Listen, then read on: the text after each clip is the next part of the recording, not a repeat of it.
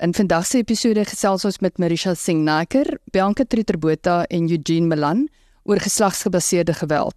Ons kyk ook na die 16 dae veldtog. My naam is Renelda Visser en ek hoop jy luister lekker saam.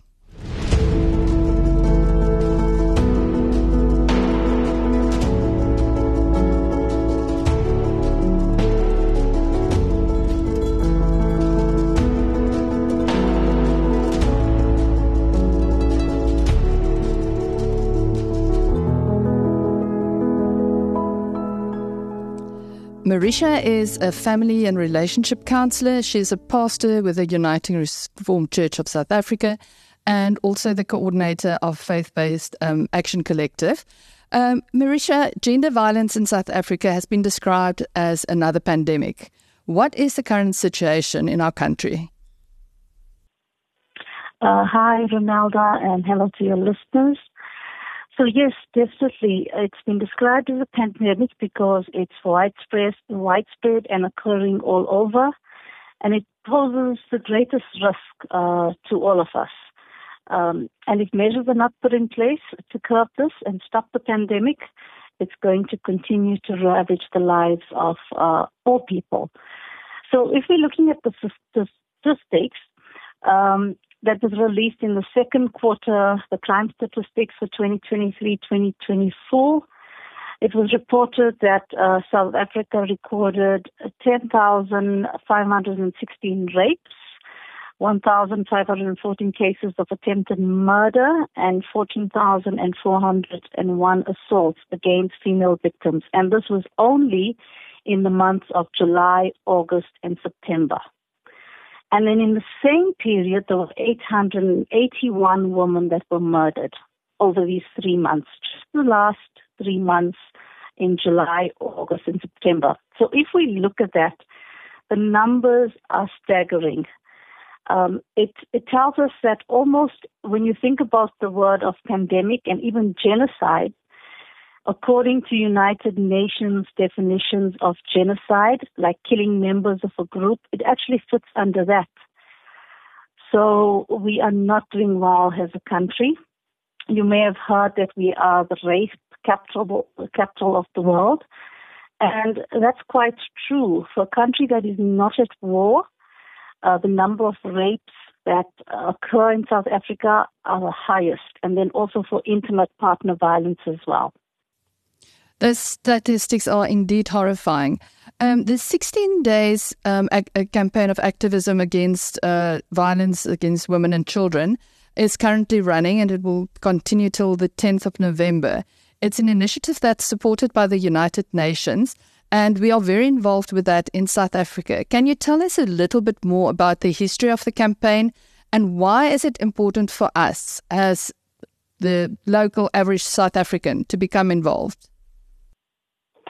Yes, so the 16 Days uh, campaign was started by activists um, in 1991. It was at the inauguration of the Women's Global Leadership Institute. And it was used to uh, as an organizing strategy by individuals and organizations that were coming together around the world to call for the prevention and elimination of violence against women and girls. They had taken notice at how terrible this was affecting women and girls throughout the world. And uh, the United Nations then uh, continued to promote this campaign. And so it's held annually from the 25th of November, which is the in- International Day for No Violence Against Women, to the 10th of December, which is International Human Rights Day. So for the average South African, you know, you may feel so overwhelmed by hearing the statistics, by hearing the stories. But I'd like to really encourage you to say that there is hope. It is possible to turn the tide of gender based violence. It is possible for us to work together and do what you can in, in the spaces that you are. Uh, whether it is speaking up and speaking out against it, uh, if you notice something, you say something about it. Uh, it's in little different ways, making sure that we we promote gender equality in our families, in our church space, in our community spaces as well. Absolutely. Uh, what is the role that Faith Action Collective um, plays to end the gender based violence in our country? So, Faith Action to End Gender Based Violence is a collective of uh, many uh, diverse faith organizations.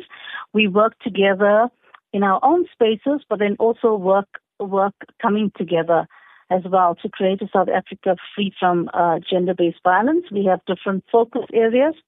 One of them is shifting the narrative, which is just challenging uh, beliefs and social assum- assumptions within faith communities that condone and promote harmful behaviors.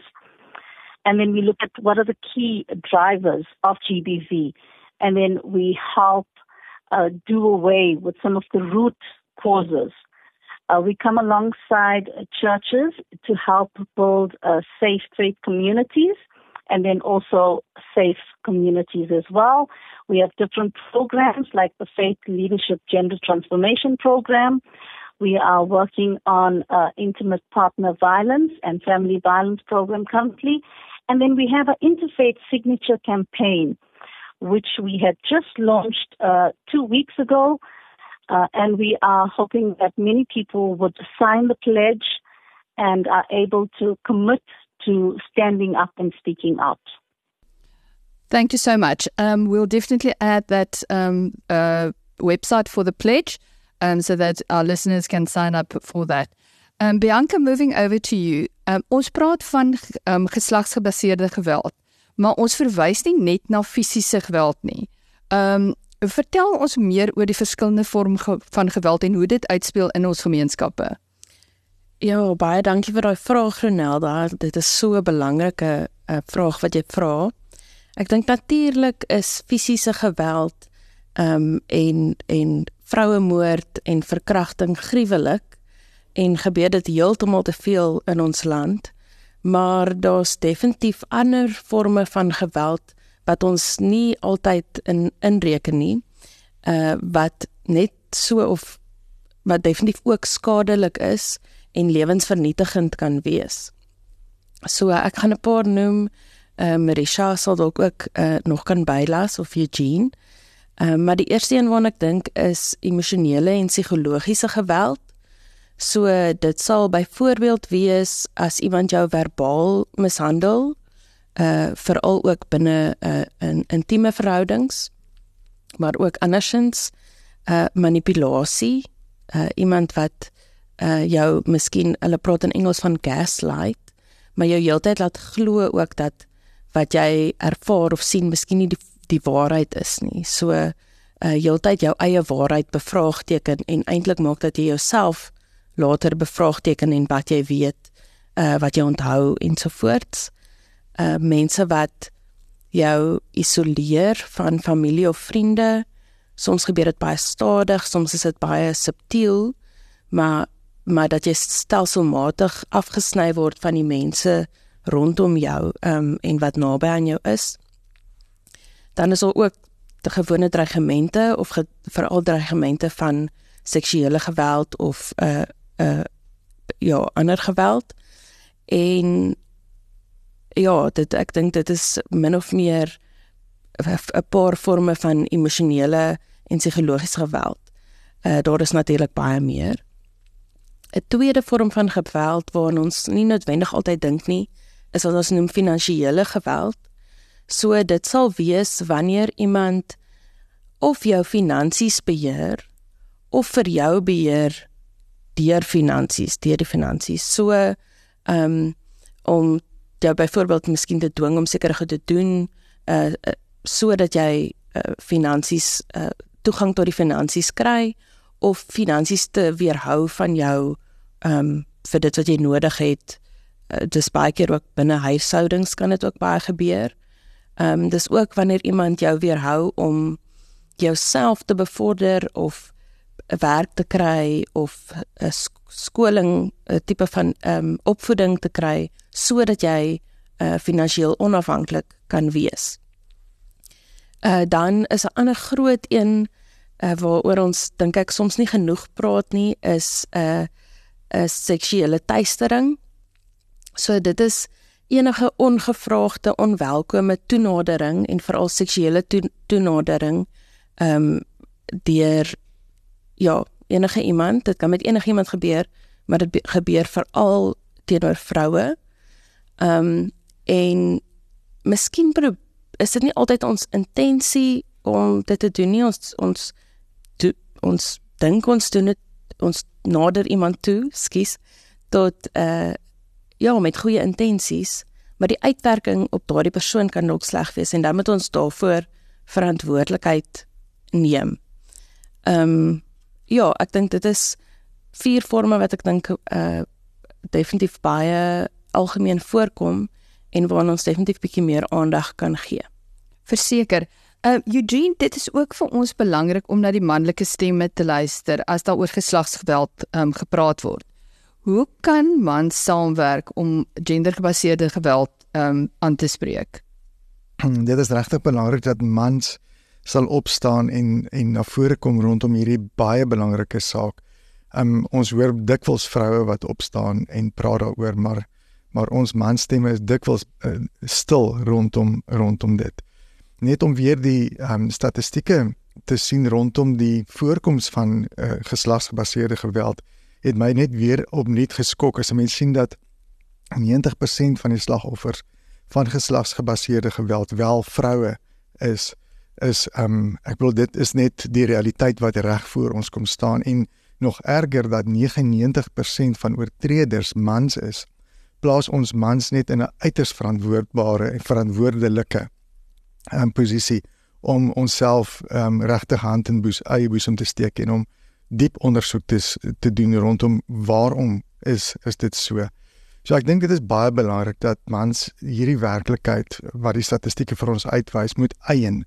Um, ons kan nie daarvan wegskrim nie. Ons kan dit nie versag op enige manier nie. Um, ons kan dit nie probeer verduidelik of probeer vergoeilik op op enige manier nie. Ons moet dit eien en sê dit is ons mans se um se se verantwoordelikheid om dit om dit aan te spreek. Um dit is ook um baie maklik vir mans om vingers te wys na ander mans en te sê maar gits ek is nie ek is nie deel daarvan nie. Maar ek dink tog um elke man is op 'n manier kollektief deel van um die geslag wat verantwoordelik is vir soveel oor, oor geslagsgebaseerde oortredings en daarom dink ek kan nie een man daarvan daarvan wegstap nie. So ek dink belangrik is om as man baie intentioneel te leef met die wete van van die realiteit en om baie ernstig te kyk na na alles waarmee um, waarmee ons uh, te doen het en die manier waarop ons self leef um en om en om intentioneel nie in te speel um om daardie statistiek um te bevestig of of te versterk nie.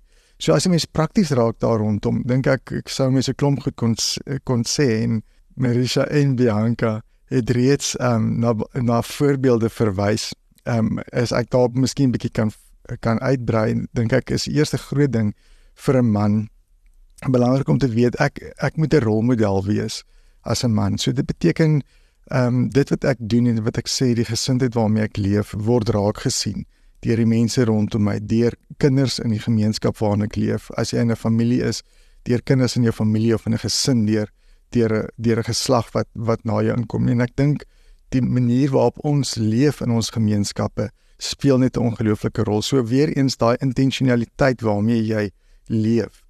En dan eh, saam met dit gaan dan natuurlik die manier waarop ons praat en ons um ons liggaamstaal, alles wat ons eh, wat ons liggaam en wat ons woorde sê, het ongelooflik baie betekenis. Ons kan so baie maklik vasval in in die um bevestiging van stereotypes deur tipiese goed te sê wat maar die uh, ou geuite um uh, dinge rondom uh, geslag en oor vroue en kinders te sê wat net eenvoudig daai ges, geslagsgebaseerde geweld um aanwakker en en voortsit. Ons kan so baie maklik um geweldstaal gebruik sommer in die gewone omgang van die lewe ook om te sê ag ek is so kwaad ek skop sommer die hond of ek is vies ek ek um ek slaat jou sommer of iets van die aard. Jy weet ou gebruik konsys onskuldige taal maar wat geweldskultuur um bevorder. Um Ons kan so baie maklik in herhalend dink en in herhalende taal gebruik teenoor ander mense, um en dan spesifiek teenoor vrouens en en kinders en ek dink as 'n mens net baie baie let op jou taalgebruik, baie intentioneel juist taal gebruik om dit te kelder, om dit om om dit uit die weg te ruim.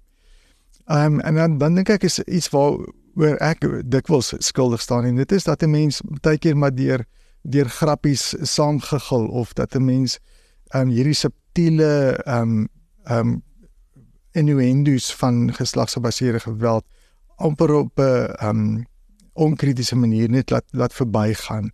Um, so ek dink dit is belangrik dat 'n mens sal moet aanleer om jou radars uit te uit te stuur en en as dit ware um, baie attent te wees vir dit wat nie net ons sê nie maar wat mense rondom ons sê en dit op geen manier te kondineer nie, nie saam te praat, saam te lag nie, maar om amper net 'n manier vir jouself aan te leer om op 'n op 'n konstruktiewe manier dit aan te spreek, dit reg te wys.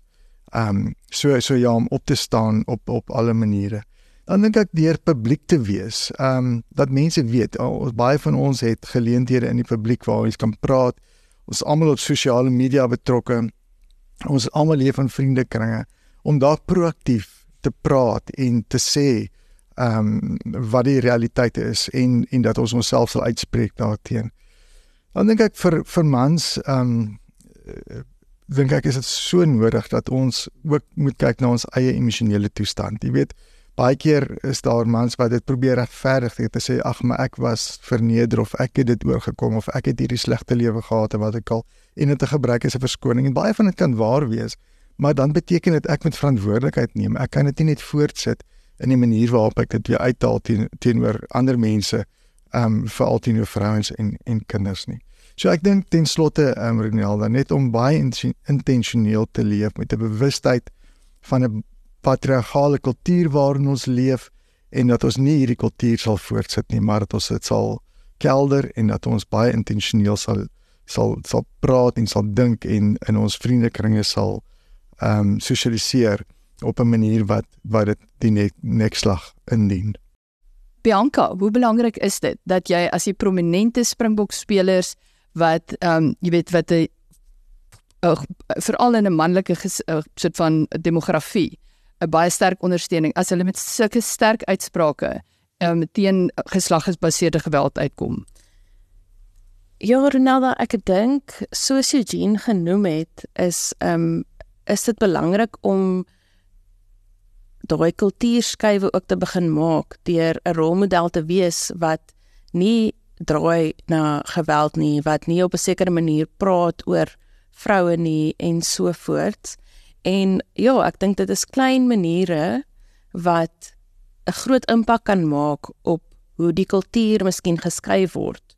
Ehm um, en veral iets soos die wêreldbeker wat so uh, wyd uh, um, ondersteun is en waarna seentjies en jong mans en almal um, kyk en en die spelers na wie hulle opkyk, dink ek veral omdat dit mans is en mans in 'n baie um, uh ja, uh, masculine soort van sport, uh skus vir my Engels maar uh dink ek dit dit speel 'n baie groot rol.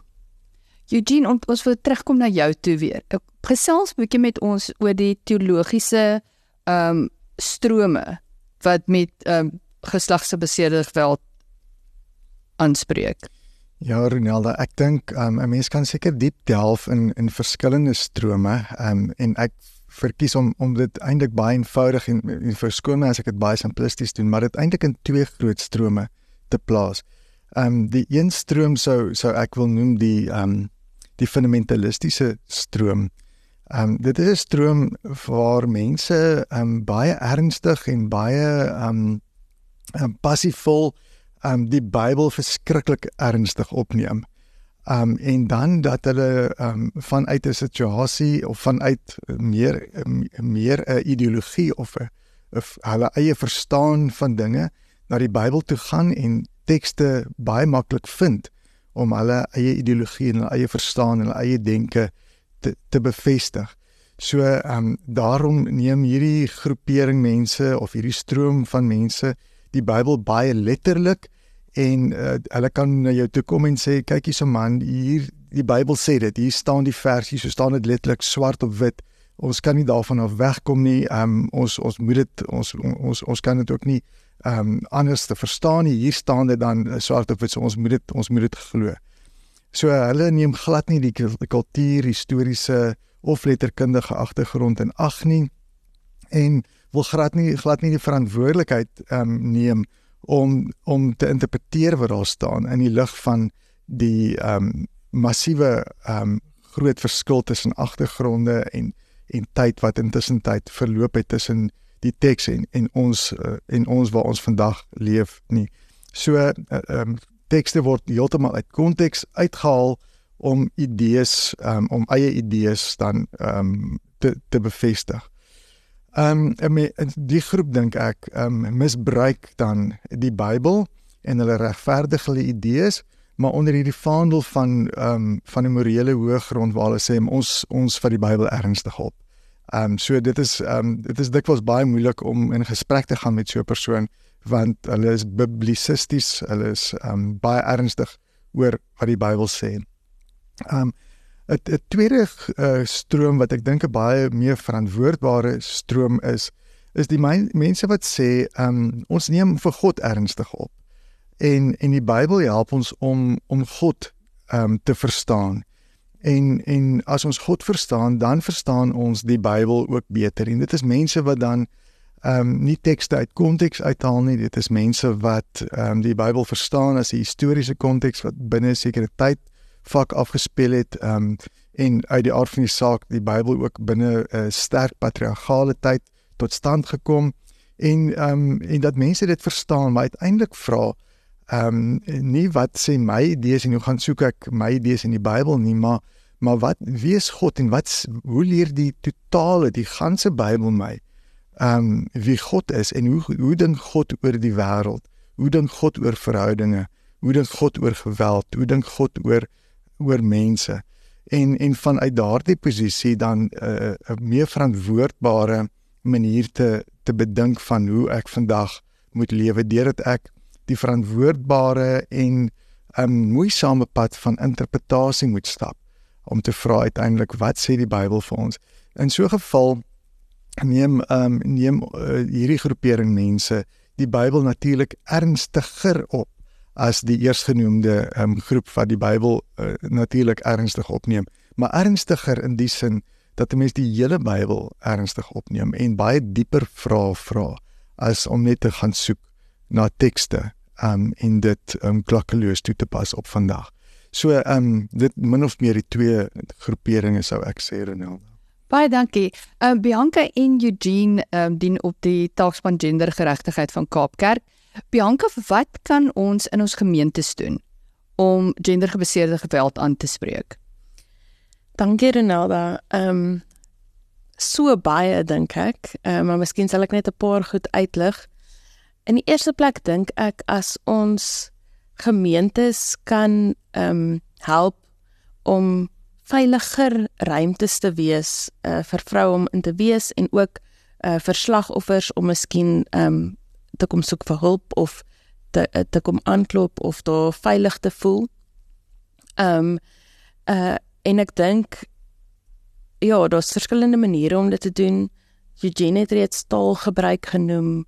Ehm um, ek dink die feit dat ons as ons dalk nie stil bly in gemeentes oor hierdie saak nie, die die feit is dat dit so algemeen in Suid-Afrika is. Natuurlik sal dit in ons gemeentes ook uh uh, plaasvind, miskien sonder dat ons noodwendig daaroor weet. Ehm um, ek dink mense sou iets kon doen soos 'n uh, uh, ons is mos lief in die kerk vir kommissies.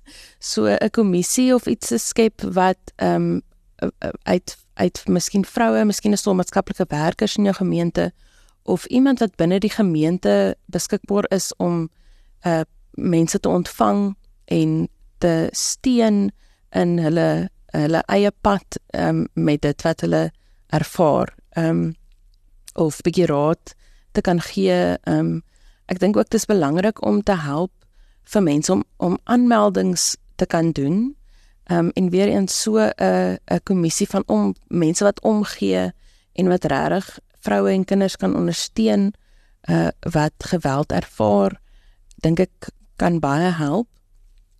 'n uh, ander ding is om uit te vind wie die organisasies of miskien huise van veiligheid in jou omgewing is. Ek is amper seker elke kerk sal sal iewers in uh, hulle omgewing so 'n organisasie kan vind en om daardie organisasies te ondersteun.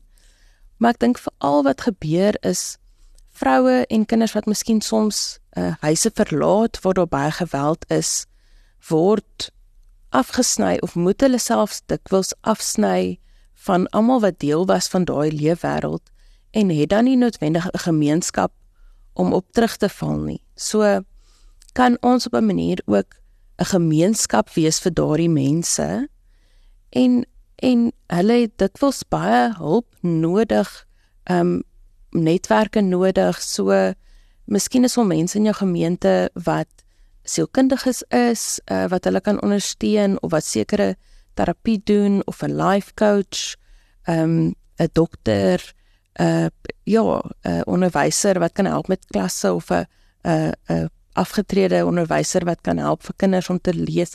Daai tipe goed, ehm um, die ondersteuning wanneer iemand uit 'n situasie van gendergebaseerde geweld kom, dink ek is ook baie belangrik.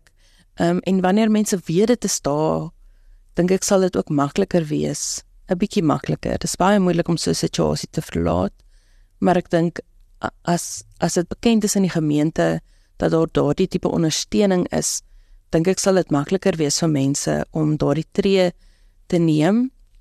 Dan dink ek iets wat Eugene ook reeds genoem het is om kulture en praktyke uit te daag. Ehm um, weer eens as ons praat oor taalgebruik, maar veral die kulture wat vroue objektiveer in sekere maniere of dit nou is deur grappies of dit nou is deur die ehm um, ja, die teologie wat mens ehm um, eh uh, eh uh, gebruik of of ehm um, ja, wat wat teenwoordig is ehm um, dink ek dit is nogal 'n belangrike ehm um, saak tipies eh uh, sommens ehm um, soos jy genoem kan noem met uh, binne die soort van letterlike lees en uh, meer nie wanneer ons nie erns maak met die feit dat die Bybel geskryf is in 'n patriargale tyd nie.